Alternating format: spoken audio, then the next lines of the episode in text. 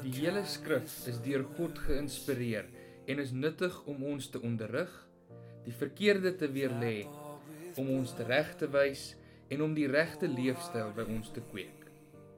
Dit is God se manier om sy mense voor te berei vir hulle taak, ten volle toegerus vir elke goeie ding wat hy wil hê hulle moet doen. Jy luister nou na 'n opname van een van Simfonie se preke. Mag die Here jou seën terwyl hierdie woord aan jou bedien word.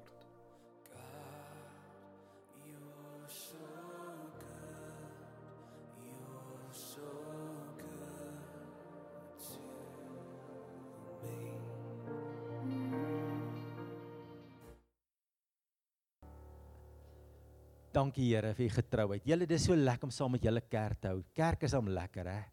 Dis wonderlik. Dis die plek van oorwinning. Dis die plek waar die Here se lig in jou lewe deurbreek.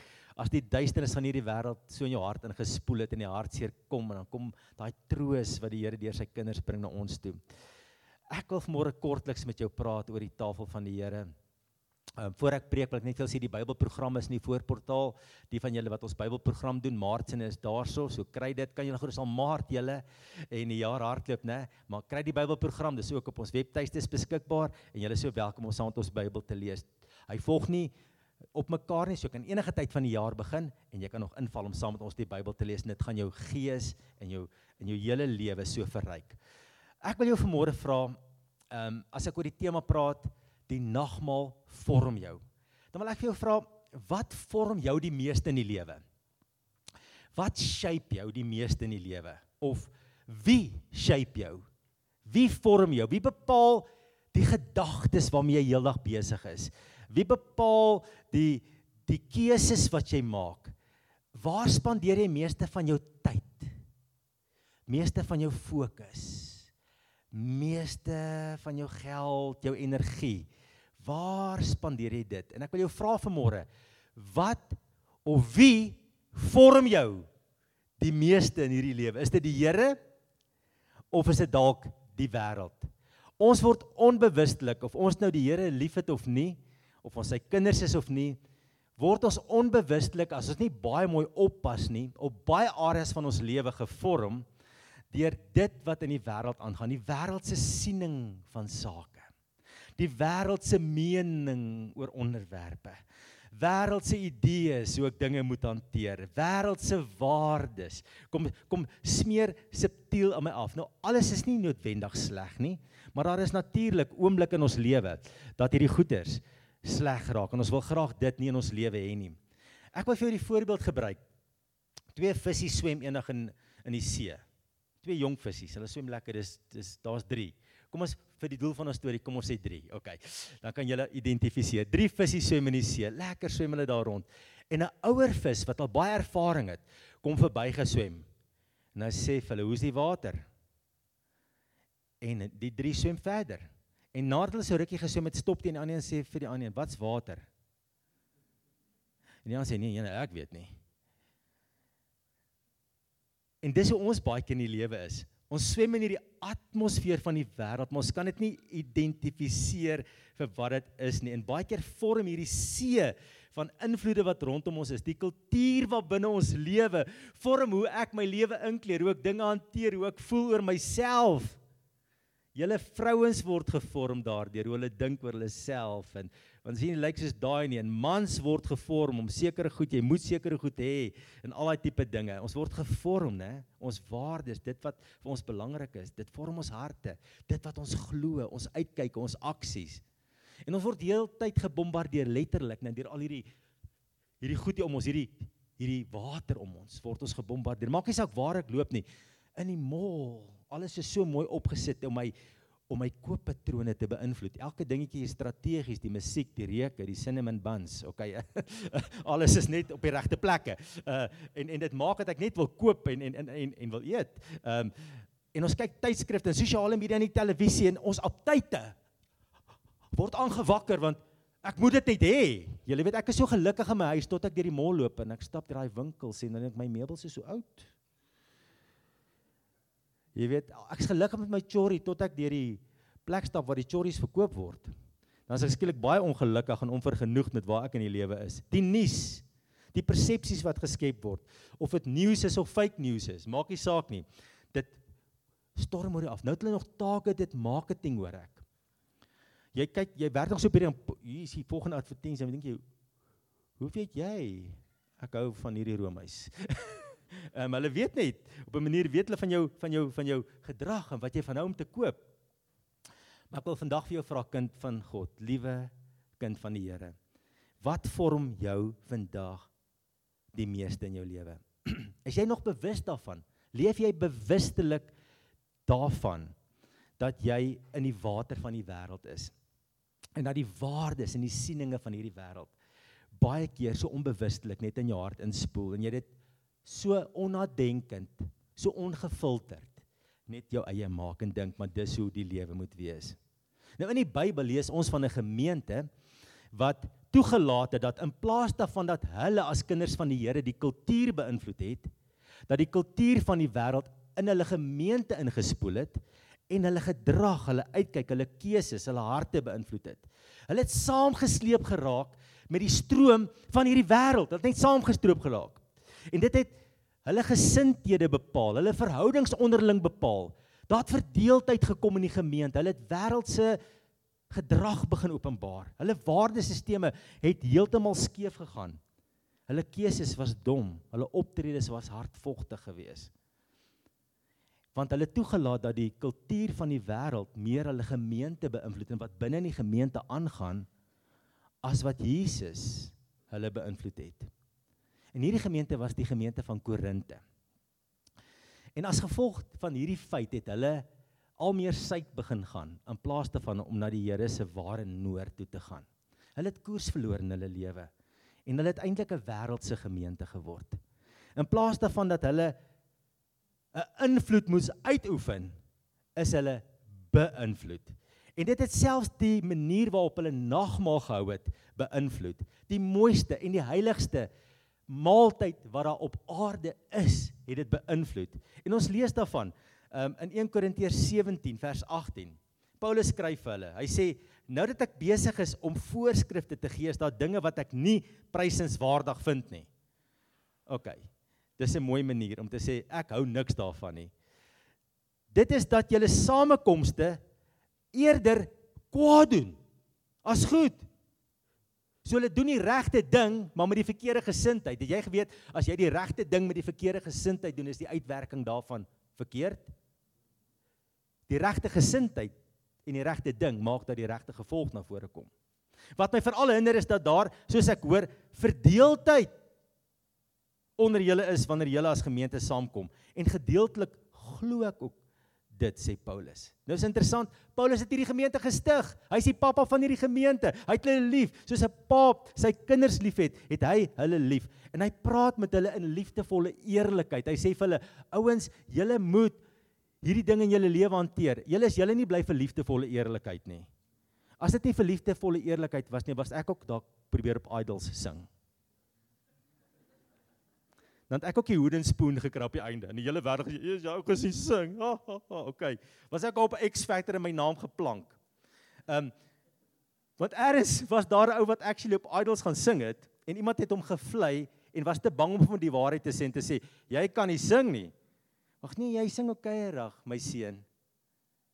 Ek dink jy het oupa se sangstem. Gaan probeer by Idols.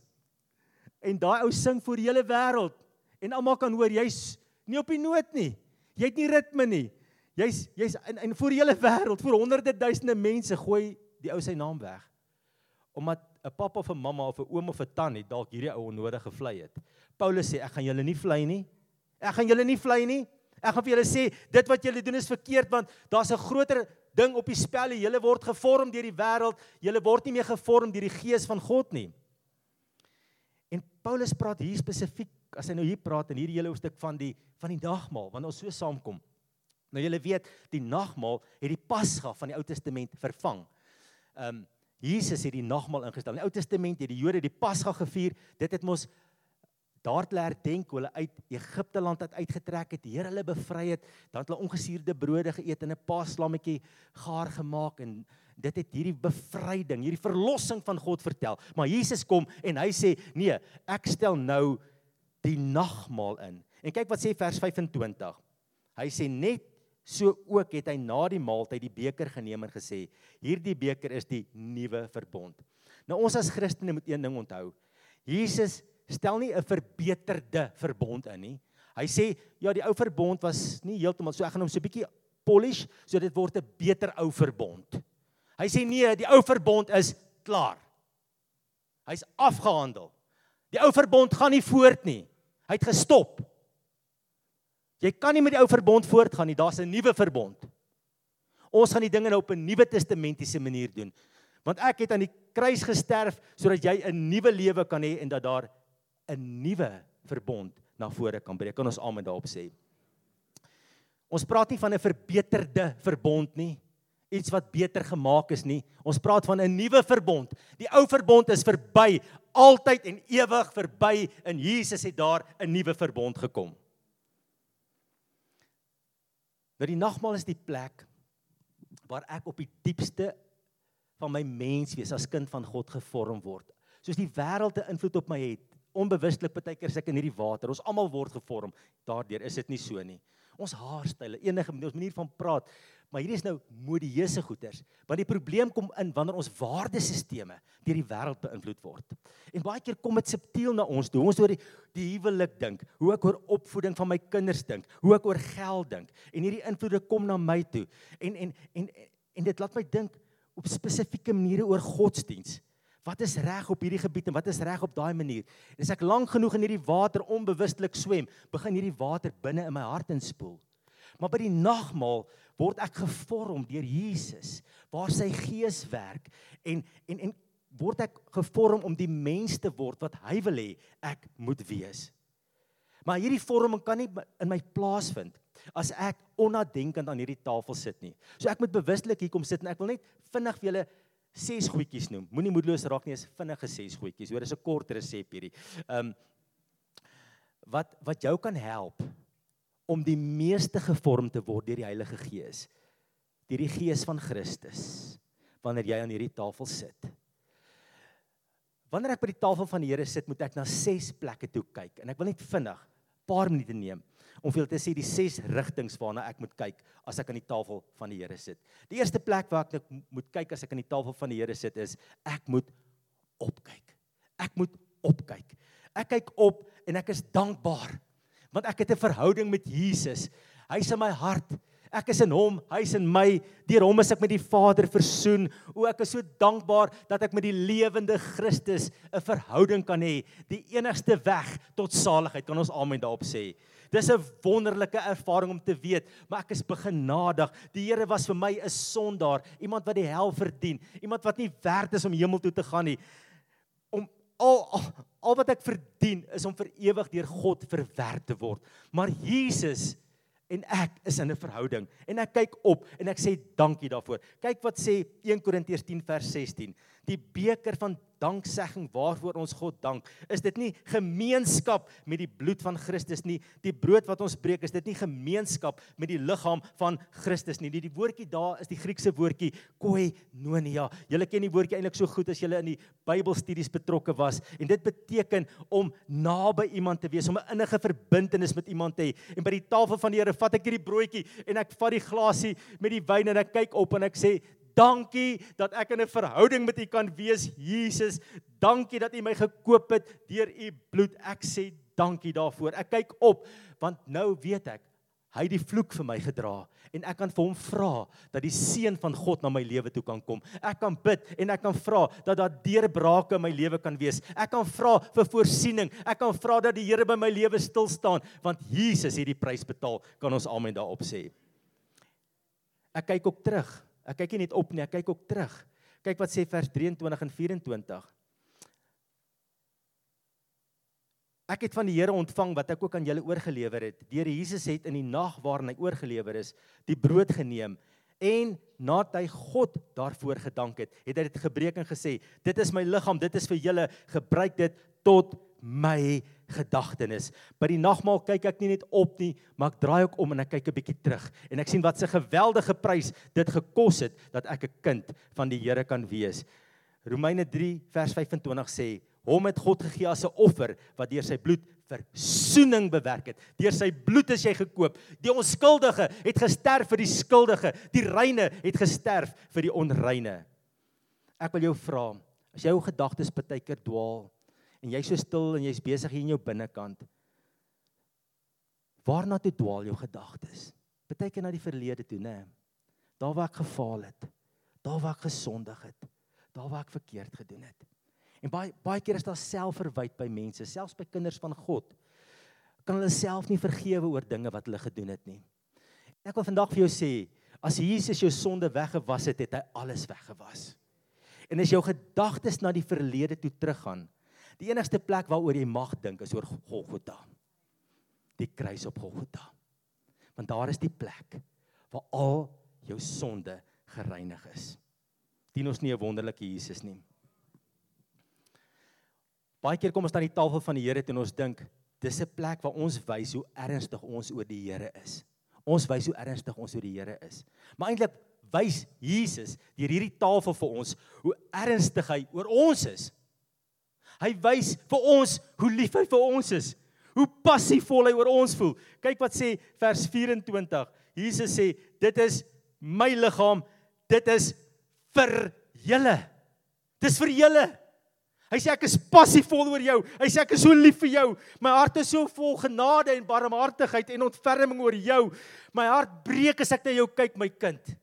En en dis so die tafel van die Here wys nie net as ek na die tafel toe kom dat ek ernstig oor die Here is nie, dat ek spesiaal op 'n Sondag my mooi klere aantrek en kerk toe kom en saam met die heiliges om die tafel van die Here kom sit nie. Ja, dit wys ook ek is ernstig oor die Here. Maar dit wys primêr dat Jesus is ernstig oor jou en hy's baie lief vir jou. Baie lief vir jou dat hy bereid was om so groot prys te betaal. En mag ek en jy vandag opnuut net oorweldig word deur sy liefde. As ek hierdie broodjie vat, as ek hierdie wyn drink, sê Here, ek kyk terug. Ek was die prys nie werd nie, Here. Was dit nooit werd gewees nie. Wat dankie. Dit wys hoe ernstig U oor my is. Maar kyk nie net op en terug nie, ek kyk ook binnekant in my. Kyk wat sê vers 27 en ek wil net vinnig daai paar versies vir julle lees.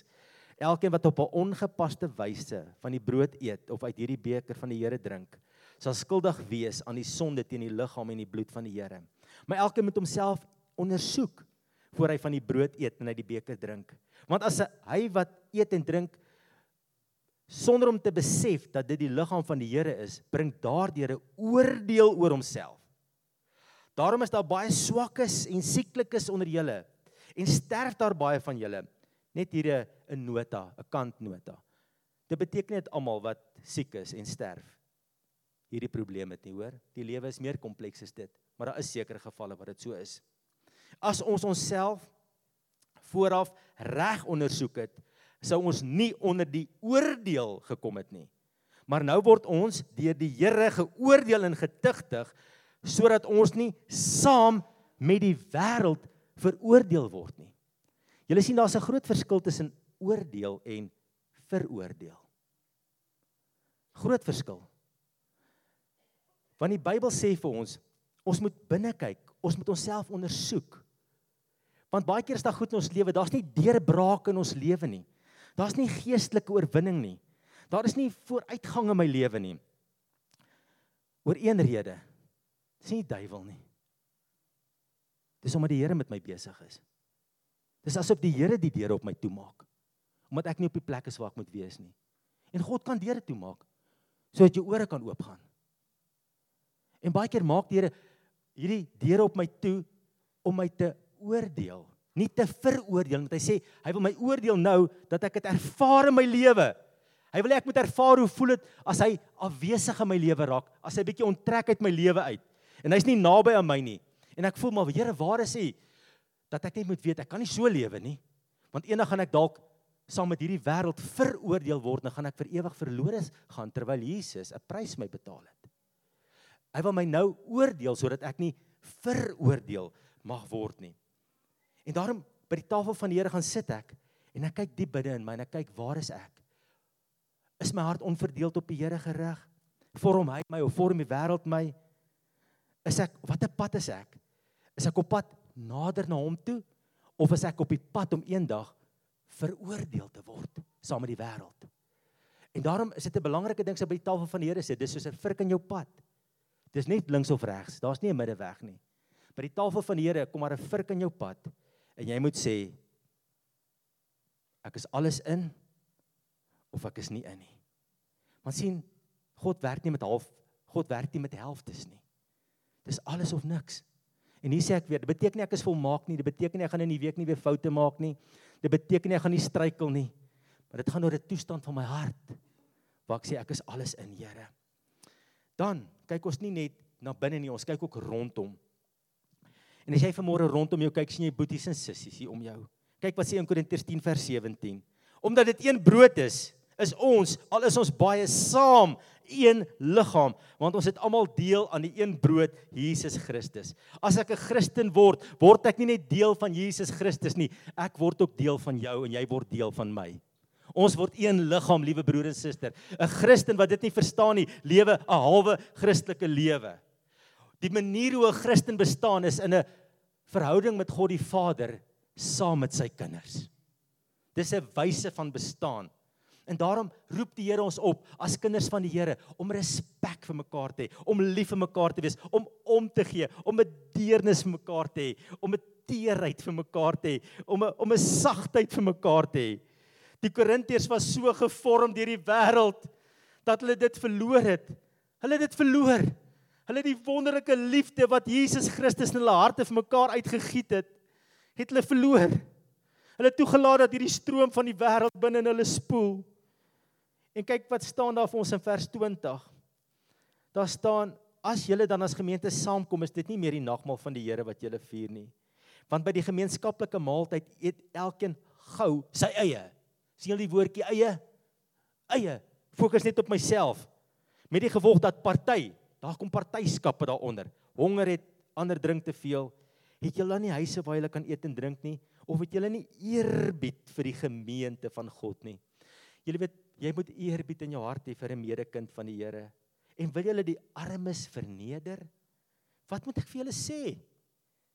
Moet ek julle prys? Ek prys julle hieroor beslis nie sê hy. Hy sê van die wêreld het binne in julle gespoel. En julle weet ons leef in 'n era in ons moderne tyd van hyperindividual moeilike woord individualisme. OK. Om opbreek om lettergrepe hierso. Ons mense is hyperindividualisties. Hyper, hyper. Dit gaan alles in hierdie wêreld waar ek en jy vandag lewe oor myself en wat ek uit hierdie wêreld kan kry. Is dit nie waar nie? Ons kry elke dag met hierdie mense te doen. Hy is die middelpunt van sy universe. Hy bestaan vir homself, sy bestaan vir haarself. Die hele wêreld dra om jou. Maar by die nagmaal is dit 'n plek waar ek opnuut ontdek ons bestaan nie so nie. Ek leef ook vir my medegelowige en ek is lief vir hulle en ek wil hulle dien. En Jesus wys deur die nagmaal as ek hierso sit hoe hoog hy verhoudinge ag. Die verhoudinge tussen sy mense. Wat is die effek in my lewe as ek hierdie verhoudinge ligweg en oppervlakkig hanteer? Kyk wat staan daar in vers 34. As een van julle honger is, moet hy liewer by die huis eet sodat julle nie 'n oordeel bring sodat julle nie 'n oordeel oor julle bring as julle bymekaar kom nie. sien julle daar 'n oordeel oor jou bring. Die Here ag hierdie verhouding so belangrik. En hy sê as jy hierdie verhoudinge met jou broer en jou suster verkeerd hanteer, as jy agter hulle rug skinder, as jy hulle nie eer nie, as jy afbreekend is, sê die Here, ek sal met jou werk. Nie of nie. Hy sê ek sal met jou werk. Hy sê Jy gaan dit voel.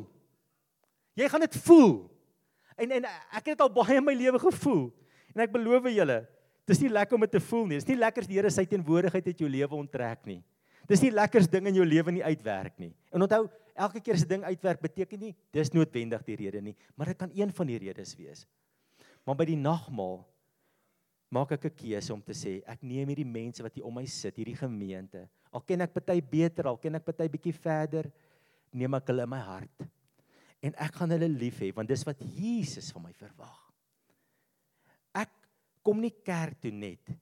Ek kom hier ingehardloop en ek hardloop hier uit nie en kom kry my weeklikse fiks nie. Want baie mense hanteer kerk soos 'n weeklikse fiks. Moenie my fiks kom kry. Ehm um, een ou het eendag gesê, "Church is a family that gets together. It's not an event to attend." Church is a family that gets together. It's not an event to attend to attend. En baie mense, julle sal sien hulle vandag, dan 'n tent hulle 'n rukkie hier, 'n tent hulle 'n rukkie daar, want kerk het vir hulle 'n weeklikse fiks geword. In plaas daarvan dat hulle sê, maar die Here voeg my in 'n familie in waar ek moet lief hê en waar ek van my lewe moet gee om my broers en susters lief te hê, om vir hulle te bid en vir hulle om te gee en sodat hulle ook vir my kan bid as die lewe vir my moeilik raak.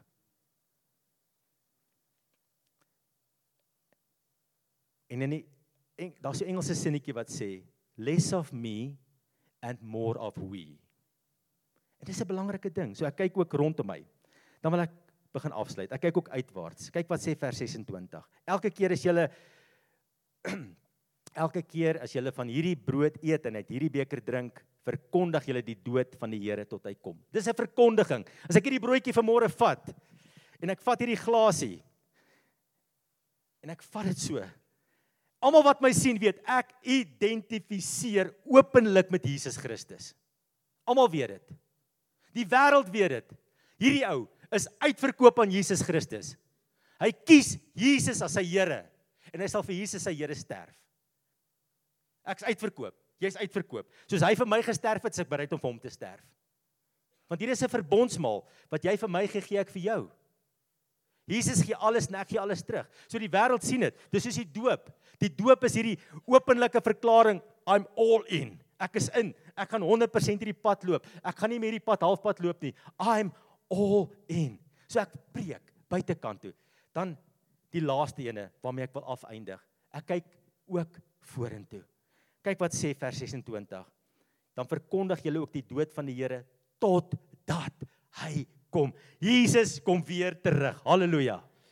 Binnekort sal daar die geroep van die aardsengels wees en die trompet sal weer klink en Jesus self sal van die hemel neerdal.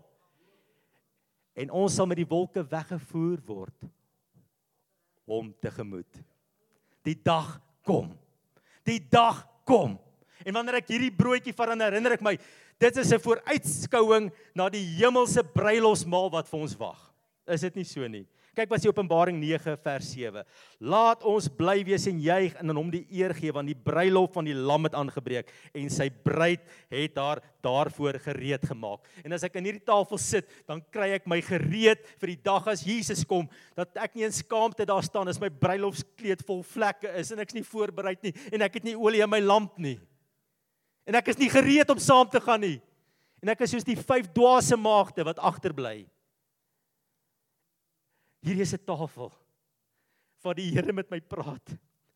Hier word die invloed van die water wat van die wêreld in my ingespoel het, bietjie uitgedruk.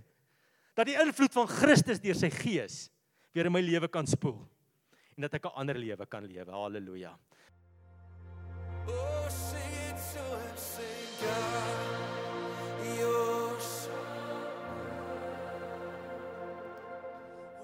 Dit is ons opregte wens dat hierdie boodskap jou geïnspireer het om elke dag te streef om liewer vir God, liewer vir jou gemeente en liewer vir die gemeenskap rondom jou te word. As jy meer wil uitvind oor simfonie en wat daar gebeur, besoek gerus www.simfonie.co.za. Mag die Here jou seën.